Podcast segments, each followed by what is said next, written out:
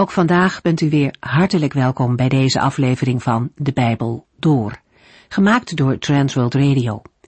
Voor meer informatie kijkt u dan op onze website transworldradio.nl. In deze serie gaat u in vijf jaar tijd met ons de Bijbel door, van Genesis 1 tot en met het laatste vers in Openbaring 22. Vandaag kunt u luisteren naar een gedeelte uit 1 Timotheus. Paulus valt in hoofdstuk 1 met de deur in huis. Hij spreekt meteen over het bestrijden van de dwaalleer. Timotheus moet zich daarvoor inzetten in de gemeente van Efeze en de mensen die verkeerde leer brengen tegenhouden. Het beeld dat Paulus in 1 Timotheus geeft is dat van een al vrij duidelijk ontwikkelde joods georiënteerde dwaalleer, geënt op het gnostische denken. Timotheus moet enerzijds deze verkeerde leer bestrijden, anderzijds ook de gelovigen onderwijzen in het ware en betrouwbare woord van God. De vorige uitzending kwamen we voor het eerst de uitdrukking tegen, betrouwbaar is het woord. Deze uitdrukking komt in de Griekse tekst van de pastorale brieven vijf keer voor. Elke keer dient hij als inleiding of afsluiting van een belangrijke instructie of een geloofsregel. Deze leerstukken moeten door Timotheus en de gemeente worden vastgehouden, ondanks de aanvallen van de dwaalleraren. In hoofdstuk 1 herinnert Paulus ook aan zijn eigen verleden, waarin hij christenen vervolgd heeft. Hij noemt zichzelf de ergste van alle zondaren, hoewel hij het in zijn onwetendheid heeft gedaan. Dankzij de genade van Jezus Christus is hij gered, en daarmee is hij een voorbeeld voor veel anderen. Als hij, als grootste zondaar, eeuwig leven kan krijgen, dan is dat ook voor andere mensen beschikbaar. Niet vanwege zijn eigen goede werken, maar op grond van de genade die God geeft. Paulus eindigt dit gedeelte met een geweldige lofprijzing. Hij kan niet anders dan God groot maken als hij erover nadenkt hoeveel de Heer Jezus voor hem heeft gedaan. En daarna pakt hij de draad van zijn betoog weer op. We lezen daar verder. 1 Timotheus 1 vanaf vers 18. In de vorige uitzending lazen we in 1 Timotheus 1 vers 18 Timotheus, mijn zoon, ik geef je deze instructie overeenkomstig hetgeen de profeten over je gezegd hebben. Neem deel aan de strijd voor de Heere. Met deze woorden keert Paulus weer terug tot de eigenlijke bedoeling van zijn brief aan Timotheus. De woorden geven aan dat in het verleden door één of meer nieuwtestamentische profeten uit de christelijke gemeente profetische woorden over Timotheus zijn uitgesproken. 1 Timotheus 4 vers 14 geeft aan dat Timotheus daar ook zelf van op de hoogte was. Paulus schrijft in 1 Timotheus 4 vers 14 Gebruik de bijzondere gaven die God je door zijn profetisch woord heeft gegeven toen de leiders van de gemeente jou de handen oplegden. De versen 18 tot en met 20 maken iets duidelijk over de inhoud van de profetieën. Timotheus was geroepen om het evangelie te verkondigen, onder zware strijd en veel tegenstand. In een bange periode, met veel afval en dwaalleer, moeten de profetieën die zijn uitgesproken hem bemoedigen en ondersteunen het weerleggen van de dwaalleer en het vermanen van de spotters is een deelnemen aan de geestelijke strijd, de strijd voor de Here. 1 Timotheus 1 vers 19 Laat het geloof in Christus niet los en houd altijd een zuiver geweten, want sommige mensen hebben hun geweten geweld aangedaan door, hoewel zij de goede weg kenden, slechte dingen te doen. Daardoor zijn ze het geloof in Christus kwijtgeraakt. Geloof of vertrouwen en een zuiver geweten zijn nodig om de goede strijd voor de Here te strijden. Met een zuiver geweten wordt een geweten bedoeld dat voortdurend gereinigd en geïnspireerd wordt door de Heilige Geest.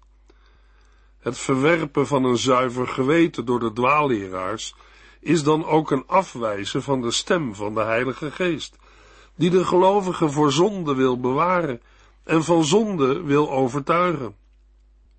Wanneer een gelovige tegen de waarschuwingen van het geweten ingaat en op die manier zijn of haar geweten geweld aandoet, negeert of tot zwijgen brengt, zal hij of zij niet alleen tot zonde komen, maar ook het geloof in Christus verliezen.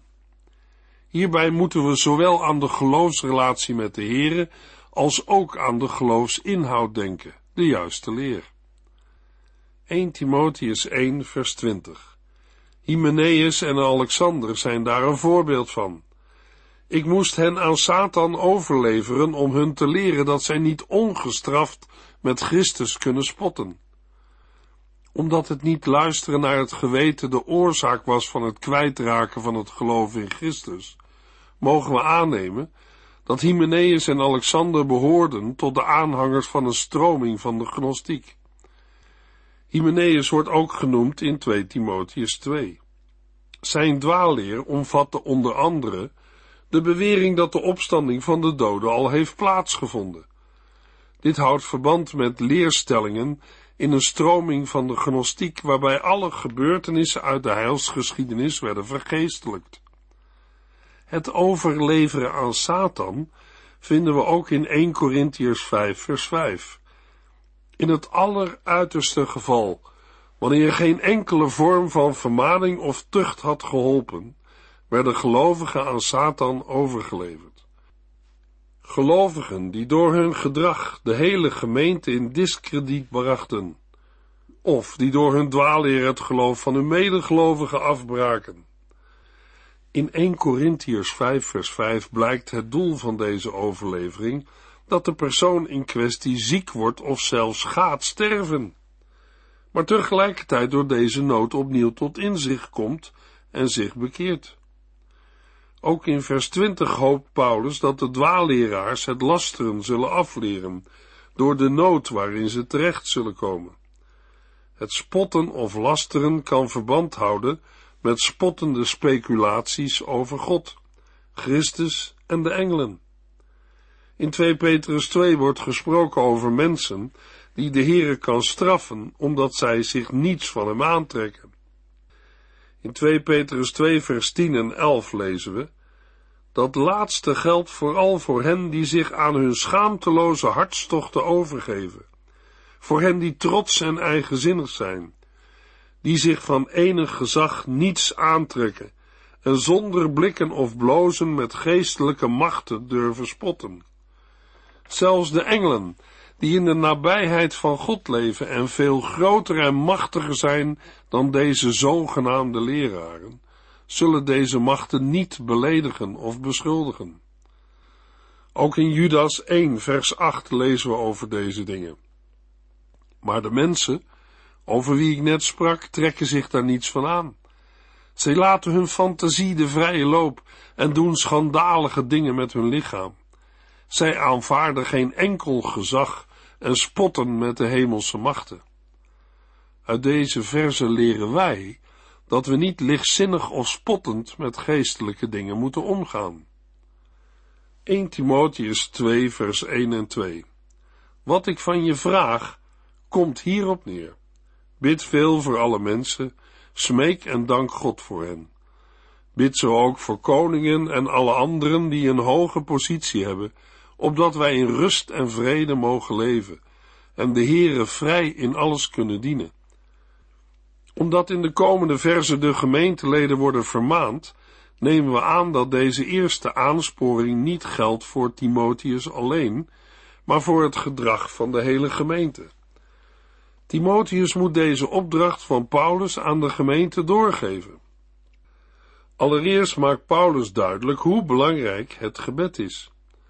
Paulus' eigen brieven geven een beeld van iemand die de kracht van het gebed voor anderen kent en zich ook zelf van gebed afhankelijk weet. Paulus noemt verschillende aspecten van het gebedsleven: smeken, danken en de voorbeden, een gebed voor iemand anders. Paulus zelf maakt er een gewoonte van om te danken voor al het positieve dat door Gods genade in een bepaalde gemeente al tot stand was gebracht of hij de gemeenteleden nu kende of door anderen van hen had gehoord. De gelovigen worden opgeroepen te bidden en te danken voor allerlei soorten mensen. Zij moeten niet alleen voor medegelovigen, vrienden en pasbekeerden bidden, maar ook voor ongelovigen en mensen van verschillende maatschappelijke standen. Een christen moet een biddende levenshouding hebben en iedereen die op zijn weg komt bij de Heere brengen. Paulus denkt bij deze verse aan de wereldwijde kracht van Gods genade. Er is voor een gelovige geen reden zich te beperken tot één volk. Het gebed van een gelovige mag niet smaller zijn dan Gods genade. Als dragers van het gezag roept de apostel op om te bidden voor koningen en alle andere mensen die een hoge positie hebben. De opdracht van Paulus tot voorbeden wijst ook een doel aan, namelijk opdat wij in rust en vrede mogen leven en de Heere vrij in alles kunnen dienen. Rust en vrede houden onder andere in, niet gehinderd door opstand, oorlog en chaos. Individuele gelovigen en de gemeente van Christus hebben verantwoordelijkheid ten opzichte van het publieke leven. Het betekent dat wij ook moeten bidden voor degene in de regering en volksvertegenwoordigers waar wij het niet mee eens zijn. Het gebed voor koningen en hooggeplaatsten heeft niet als eerste doel dat zij tot bekering zullen komen. Dat wordt in de versen 3 tot en met 7 als tweede doel genoemd. Maar dat de gelovigen in rust en vrede mogen leven en de Heere vrij in alles kunnen dienen. De achterliggende gedachte is dat een regering of koning door de Heer is gegeven en ingesteld en gerespecteerd dient te worden. Daarom is het gebed voor de overheid, een instelling van God, een goede zaak. In de tijd van Paulus waren er nog geen systematische vervolgingen van overheidswegen, en dikwijls kwam de Romeinse overheid tussen beiden als Joden of heidenen de gelovigen in Christus kwaad wilden doen. Doel van het gebed is dat de overheid vrijheid van allerlei vormen van godsdienst zal waarborgen zodat de gelovigen in waardigheid, dat wil zeggen zonder angst en niet in het verborgene, de Heere kunnen dienen en door goede daden hun geloof zichtbaar mogen maken. 1 Timotheus 2 vers 3 en 4 Dat is goed en aangenaam voor God, onze redder, want Hij wil dat alle mensen gered worden. Het gebed voor de overheid is goed en aangenaam voor God, omdat vrijheid van godsdienst geweldige mogelijkheden opent voor de verbreiding van het evangelie en de bekering van mensen. In de Griekse tekst staat voor dat is goed en aangenaam voor God, dat is goed en aangenaam voor het aangezicht van God. Daarin ligt besloten dat God op zijn troon of rechterstoel zit. Hij zetelt als rechter boven alle overheden en rechters van de aarde en voor zijn troon komen de gebeden van de gelovigen. Bovendien wordt de Heer in vers 3 onze redder genoemd. God is al de redder van de gelovigen, maar hij wil alle mensen redden. Daartoe is een bepaalde vrijheid van geloof bevorderlijk. Gelovigen zullen bidden voor hun regering, opdat het evangelie mag blijven uitgaan naar verlorenen. Gods verlossingsplan omspant de hele wereld. Christenen uit de Joden mogen zich niet beperken tot het gebed alleen voor de Joden en Griekse gelovigen niet alleen voor Grieken. De Heere denkt in veel ruimere termen. In het Oude Testament, in Ezekiel 18 vers 23, vraagt de Heere, Denkt u dat ik, de Heere, de goddeloze graag zie sterven? Juist niet. Ik wil alleen dat hij zich bekeert, zijn goddeloze wegen verlaat en leeft. In het Nieuwe Testament lezen we in 2 Petrus 3 vers 9 Sommigen denken dat hij, de Heere, treuzelt, maar dat is niet zo. Hij wacht alleen met het vervullen van zijn belofte, omdat hij zoveel geduld heeft. Hij wil niet dat er iemand verloren gaat, maar dat alle mensen tot bekering komen. De Heere biedt in Christus zijn verlossingsplan aan. Daarmee krijgen alle mensen die het horen de gelegenheid om voor Christus te kiezen en Hem aan te nemen als persoonlijke redder en verlosser. Dit genadeaanbod van de Heere houdt ook in dat de mens Gods aanbod kan afwijzen, met alle consequenties van dien. Een mens die Gods reddingsaanbod in Christus afwijst, is zelf verantwoordelijk voor deze keuze. Hij of zij kan niet zeggen dat de Heere hem of haar verloren heeft laten gaan. Daar heeft de persoon in kwestie zelf voor gekozen. We hebben gelezen, want hij wil dat alle mensen gered worden. God wil allerlei soorten mensen redden, zowel Joden als heidenen, en ook mensen van allerlei rang. Vers 4 getuigt van Gods liefde voor alle mensen, hoe verschillend ze ook zijn. Hij wil dat de mensen behouden worden of gered worden van de eeuwige straf. In de Griekse tekst staat in vers 4 gered worden en tot erkentenis komen van de waarheid naast elkaar. De bedoeling is dat mensen gered worden doordat zij tot erkentenis van de waarheid komen. Het woord erkentenis betekent diepe doorleefde kennis. Bij waarheid gaat het hier om het woord der waarheid, het evangelie, of om de inhoud van het evangelie, namelijk de redding door het geloof in Jezus Christus. Na, want hij wil dat alle mensen gered worden, komt in vers 5, en het volgende zullen aannemen. Er is maar één God, en er is maar één bemiddelaar tussen God en mensen, de mens Jezus Christus.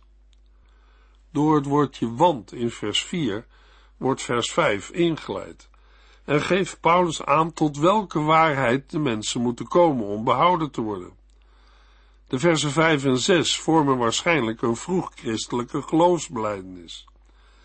Deze geloofsbeleidenis, ook wel credo genoemd, begint met hetzelfde thema als de bekende Joodse geloofsbeleidenis uit Deuteronomium 6 vers 4. Hoor Israël, de Heer is onze God, de Heer is één. Met de tweede uitspraak, en er is maar één bemiddelaar tussen God en de mensen, staat deze geloofsbeleidenis haaks op het Jodendom en op de gnostiek. De Joden geloofden dat Mozes de wet door bemiddeling van engelen had ontvangen. De gnostici geloofden in een hele rangorde van geestelijke machten en overheden tussen de Heere God en de materiële wereld. Paulus motiveert het voorgaande op drie manieren. Er is maar één God, één bemiddelaar tussen God en de mensen, de mens Jezus Christus, en in vers 6, er is maar één boodschap van het evangelie. In het Oude Testament moesten de mensen voor vergeving en verzoening naar de priesters in de tempel. Door bemiddeling van hen konden zij tot God komen. In het Nieuwe Testament schrijft Paulus na de dood, opstanding, hemelvaart en uitstorting van de Heilige Geest, dat er maar één bemiddelaar tussen God en de mens is, de mens Jezus Christus. Dat in vers 5 de goddelijke natuur van Christus niet wordt belicht, heeft een speciale bedoeling die wordt uitgewerkt in vers 6. Zoals door één mens de zonde de wereld binnenkwam en door de zonde de dood, zo moest ook door één mens vergeving van zonde en opstanding uit de doden worden bewerkt. We lezen het in Romeinen 5, vers 15 tot en met 21. Maar wat een verschil is er tussen de zonde van de mens en de genade van God. Door de schuld van één mens, Adam, zijn de mensen gestorven. Maar boven alles uitgaat de genade van God, die hij aan alle mensen schenkt, door die ene mens, Jezus Christus. Met dat geschenk is het anders dan met de zonde van Adam. Door de ene zonde zijn velen veroordeeld, maar door dat ene geschenk van genade in Christus zijn velen vrijgesproken, hoewel zij het niet hadden verdiend. Door de overtreding van die ene mens regeerde de dood in de wereld hoeveel te meer is er door die andere mens, Jezus Christus, gebeurd? Door zijn overvloedige genade is vrijspraak mogelijk geworden. Wie dat grote geschenk van hem aannemen, zullen samen met hem regeren in het eeuwige leven. Dus zoals door die ene overtreding van Adam alle mensen werden veroordeeld, worden door die ene goede daad van Christus alle mensen vrijgesproken, zodat ze kunnen leven. Zoals de ongehoorzaamheid van Adam tot gevolg had dat alle mensen zondaars werden, is het gevolg van de gehoorzaamheid van Christus dat alle mensen rechtvaardig verklaard zullen worden. Toen de wet van God erbij kwam om aan te tonen dat geen mens zich aan Gods geboden zou houden, namen de overtredingen toe. Maar hoe de zonde ook toenam, Gods genade nam nog veel meer toe. Eerst regeerde de zonde door de dood. Nu regeert de genade en worden mensen vrijgesproken. Nu geeft onze Heer Jezus Christus ons eeuwig leven. Van deze Jezus Christus wordt in Hebreeën 8, vers 1 en 6 gezegd: Christus is onze hoge priester en hij zit aan de rechterhand van God op de troon in de hemelen. Vers 6. Hij heeft een veel belangrijke taak gekregen dan de priesters van Israël. Door zijn bemiddeling heeft God een nieuw verbond met de mensen gesloten, dat beter is omdat het op betere beloften steunt. Hebreeën 2 vers 17 Het was nodig dat Jezus Christus aan ons, zijn broeders en zusters, gelijk werd. Anders had hij niet onze genadige en trouwe hoge priester voor God kunnen worden. Een priester die, als hij met onze zonde afrekent, zowel genadig voor ons als trouw aan God is.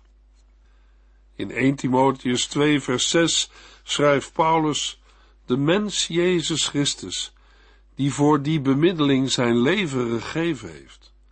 God heeft deze boodschap op het juiste moment aan de wereld bekendgemaakt. In het Oude Testament was die bemiddeling van Christus er nog niet.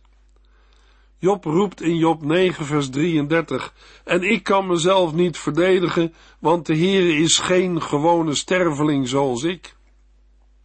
Als hij dat wel was, zou ik de hele zaak eerlijk uitpraten.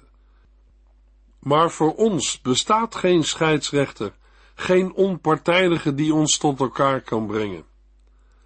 Vandaag is er voor ons wel een bemiddelaar, de Heer Jezus Christus. Hij heeft de prijs voor onze redding en verlossing betaald. Hij is de middelaar tussen God en de mensen, omdat hij mens is geworden. U, jij en ik mogen in gebed naar hem toe gaan en vragen om zijn redding. Dat de Heere redding zal geven, weten wij, omdat de Heere dat met zijn eigen volk Israël ook heeft gedaan en zal doen. Zij zijn ook voor ons een voorbeeld en een bevestiging dat de Heere zijn woord zeker in vervulling zal laten gaan. De evangelist van het Oude Testament, de profeet Jezaja, drukt de zorg en liefde van de Heere voor zijn volk Israël op een bijzondere wijze uit in Jezaja 63 vers 9. In al hun onderdrukking werd hij zelf onderdrukt en hij redde hen in eigen persoon. In zijn liefde en medelijden verloste hij hen, tilde hen op en droeg hen door de jaren heen. God ging met zijn volk Israël mee door de woestijn. Als zij faalden en ongehoorzaam waren, bracht hij hen tot inkeer. De Heere ging veertig jaar met zijn volk mee. Hij gaf Mozes instructies en wetten voor hun dagelijkse levenswandel en dienen van de Heere. In het beloofde land aangekomen kreeg het volk duidelijk instructies, aanwijzingen en grondgebied van de Heere. Toch weken ze steeds weer van hem af, maar de Heere bleef geduldig en bood hen keer op keer zijn liefde en verlossing aan. Deze God is ook vandaag nog dezelfde. We lezen over de Heer Jezus Christus in Hebreeën 13 vers 8. Jezus Christus was, is en blijft voor altijd dezelfde. Over de Heer Jezus zei de apostel Petrus tegen de Joodse leiders in Handelingen 4 vers 12. Er is bij niemand anders redding te vinden. Hij is de enige door wie de mensen gered kunnen worden. Geen kerk of geloofsgemeenschap heeft bedacht dat Christus de enige weg terug is naar God de Vader. Het zijn woorden van Jezus zelf. In Johannes 14, vers 6 kunt u het lezen. Luisteraar, als u of jij tot hem gaat en vraagt om zijn vergeving en verlossing, dan zal hij u of jou zijn redding schenken. Want, schrijft Paulus in 1 Timotheus 2 vers 6, de mens Jezus Christus heeft voor die bemiddeling zijn leven gegeven. God heeft deze boodschap op het juiste moment aan de wereld bekendgemaakt. Vandaag mag ik u deze boodschap doorgeven. Zult u de boodschap van de Heere aanvaarden? Je moet niet in de vreemde blijven zwerven, als je een huis hebt waar je wordt verwacht. Je zult zoveel aan liefde en vreugde derven, als je zo drijven blijft op eigen kracht. Je vader staat zo lang al uit te kijken, zijn dienaars staan tot je ontvangst gereed. Het is waar, ik weet het, het zou kunnen blijken dat een van de broeders je niet welkom heet. Verloren zoons wordt niet zoveel vergeven, zo zijn wij wel. Wij vinden het maar raar dat God niet voortrekt wie zijn thuis gebleven. Wij zijn vaak wreed. Vergeef ons dit dan maar. We moeten immers allemaal nog leren van Gods genade en barmhartigheid. Laat niets je toch weerhouden terug te keren, ook niet je broeders zelfgenoegzaamheid. Keer je nu om. God staat op je te wachten. Misschien is het wel een lange reis naar huis, maar je hoeft niet alleen, want Christus geeft je krachten. Hij neemt je hand en brengt je veilig thuis. In de volgende uitzending lezen we 1 Timotheus 2, vers 5 tot en met 15. U heeft geluisterd naar De Bijbel Door, in het Nederlands vertaald en bewerkt door Transworld Radio. Een programma waarin we in vijf jaar tijd de hele Bijbel doorgaan. Als u wilt reageren op deze uitzending of u heeft vragen, dan kunt u contact met ons opnemen. Tijdens kantooruren kunt u bellen op 0342 478432. 0342 478432. Ook kunt u een e-mail sturen naar de Bijbel door at transworldradio.nl en natuurlijk kunt u ook via de post ons bereiken. TWR, postbus 371, postcode 3770, AJ in Barneveld. Dit programma werd gepresenteerd door Cor Weda en Ike André. Techniek was in handen van Odin van Voerkom. En wij allemaal bedanken u voor het luisteren. Graag tot de volgende keer.